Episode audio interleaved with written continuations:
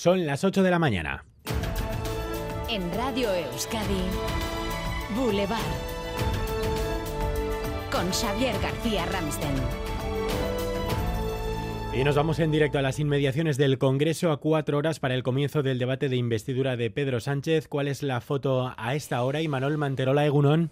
Eh, un Bay es la foto de un congreso blindado, calles cortadas y estrictos controles de seguridad a esta hora en las inmediaciones, a cargo de unos 1.600 eh, policías, la gran mayoría antidisturbios, lo que coloca a este debate de investidura que arranca hoy, no ya solo en la investidura con mayores controles de seguridad, sino uno de los eventos públicos más controlados aquí en Madrid. Una investidura en la que tanto como lo que suceda dentro importará lo que ocurra fuera hoy y mañana. El resultado es conocido Sí, Sánchez saldrá elegido previsiblemente presidente con 179 apoyos, pero todo indica que también hoy tendremos que utilizar adjetivos ya habituales como bronco, o tenso para referirnos a este debate. Pues sí, hoy al fin escucharemos lo primero al candidato, defender su gobierno, defender su mayoría, mayoría recordamos absoluta que mañana, salvo imprevisible sorpresa, le permitirá ser investido presidente en primera vuelta. Y después al resto de grupos de mayor a menor, Partido Popular y Vox cargarán seguro muy duramente contra Sánchez, contra sus socios y contra la ley de amnistía que tratan de bloquear como pueden. Nunca una medida política había conseguido en los últimos 45 años tal rechazo social. Y ante tal rechazo social, solo hay un camino, y es rectificar. Y la rectificación tiene que venir de la mano de las elecciones para que seamos los españoles los que nos pronunciemos. Si el Poder Judicial hablan de un ataque a la división de poderes, confiamos en que utilicen todas las herramientas legales para detener ese asalto al Poder Judicial, para detener el intento de acabar con la igualdad de los españoles ante la ley. En las horas previas, Sánchez ha recibido también el apoyo del Gobierno vasco. Constatemos todos que el gobierno que va a surgir de esa investidura será el gobierno legítimo que se deriva de los resultados que las diferentes fuerzas políticas obtuvieron en las pasadas elecciones generales. Pues lo analizaremos todo a partir de las ocho y media en los eh, diálogos con Marta Martín, Braulio Gómez y Cristina Ruiz y con nuestra invitada esta mañana en Boulevard, la secretaria general de Comisiones Obreras Euskadi, Loli García, con quien hablaremos, entre otras cosas, de una de las primeras medidas que podría tomar el nuevo gobierno, que sería retirar el escudo social, tras las presiones del FMI y de otras instituciones europeas que han pedido a España que retire las ayudas sociales para cumplir con el déficit. Hablaremos también con Loli García de las medidas que nos afectarán a Euskadi como la prevalencia de los convenios autonómicos sellada en el pacto entre el PSOE y el PNV a partir de las ocho y media, también de la que es una de las noticias de la mañana.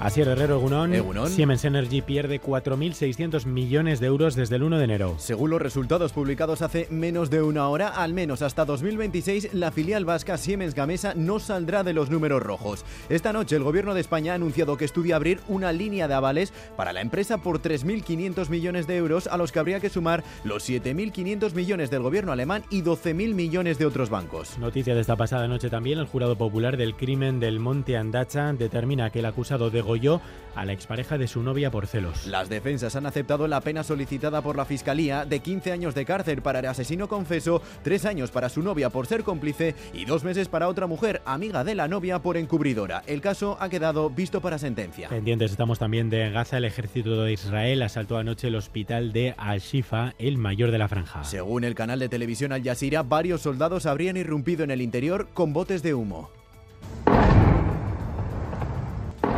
Israel señala que bajo el hospital Hamas tiene uno de sus centros de mando, ante lo que Estados Unidos ha pedido prudencia al haber más de 500 civiles heridos. Y una previsión importante porque Tabacalera coge desde hoy el Congreso avanzando hacia un pacto vasco por los cuidados. Durante dos días los expertos aportarán sus experiencias y perspectivas sobre los cuidados, un sector en alza. Esther Alonso, coordinadora del programa Saindu. Está logrando visibilizar los cuidados, incluso diría que revalorizarlos, porque yo recuerdo hace años muchas cuidadoras venían y no se consideraban como tal. Y bueno, yo creo que ese paso lo estamos dando. Y otra previsión en la cultura, los premios Euskadi de Literatura reconocerán esta tarde las mejores creaciones vascas. Arancha Urreta Vizcaya y Alejandro Morellón serán premiados en las modalidades de literatura en euskera y en castellano. Miriam Villalabeitia y Ander Izaguirre en las categorías de ensayo en euskera y en castellano. Pachizu Bizarreta recogerá el premio Euskadi de literatura infantil y juvenil y Joseba Larreche el de ilustración de obra literaria. El premio a la mejor traducción literaria al euskera será para José Mari y Mayalen Berasategui. Y la sequía. Esta mañana hemos sabido que se ha activado un plan para transportar agua en barcos hasta Cataluña. Aquí no estamos tan mal, ni mucho menos, pero tampoco es que rebosen nuestros pantanos. Lo comprobamos con Sonia Hernando. Estás en el de Ullibarri Gamboa. Adelante, Sonia Gunón. Eguno, no, no rebosan, ni mucho menos, aunque la situación es bastante parecida a la del pasado año por estas fechas. Los números, los pantanos de Euskadi en la comunidad autónoma vasca están al 56%, los de Navarra al 68%. De hecho, Yesa ha subido 10 puntos en, las últimas semanas, en la última semana gracias a las últimas lluvias. Aquí en Ullibarri Gamboa, el pantano a la vez que suministra agua a Vitoria y también al Gran Bilbao, se ve perfectamente el margen de mejora con una ancha franja de tierra a la vista antes de llegar al inicio del cauce. Enseguida vamos con el pronóstico del tiempo para hoy. Antes los deportes titulares, César Pérez Gazola, Segunón. Egunon Xavier, el baloncesto europeo protagonista este miércoles, con partidos para Basconia en Euroliga en Vitoria ante el Barcelona y para Bilbao en Rumanía en la pista del Sibiu a las ocho y media en el Buesa. Ivanovic, que desde su llegada ha ganado los dos partidos de Euroliga, quiere repetir también hoy ante el conjunto blaugrana, mientras que los hombres de negro, si se imponen esta tarde en la quinta jornada de la FIA Eurocup, lograrían la clasificación para la siguiente ronda de la competición. Boulevard. BRTA, Alianza Vasca de Investigación y Tecnología, te ofrece el tiempo. Euskal Metolats Príncipe, Egunon.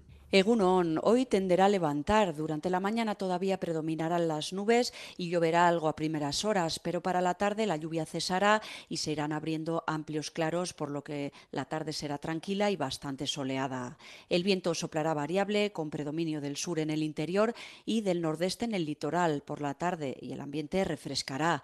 Las máximas rondarán los 19 grados en el litoral y se quedarán en torno a los 17 grados en el interior. Por lo tanto, para la tarde levantará y tendremos ambiente seco y ratos de sol, aunque el ambiente será algo más fresco que el de ayer. A esta hora tenemos 15 grados en Bilbao, 14 en Donostia y Bayona, 13 en Iruña, 12 en Gasteiz, 688-840-840. Egunon, elgean amaika gradu eta doiza. Agur. Caixo Egunon, en los arcos tenemos 13 grados. Apa, agur. Egunon, en Berriz 14 grados y de momento no llueve. Buen día.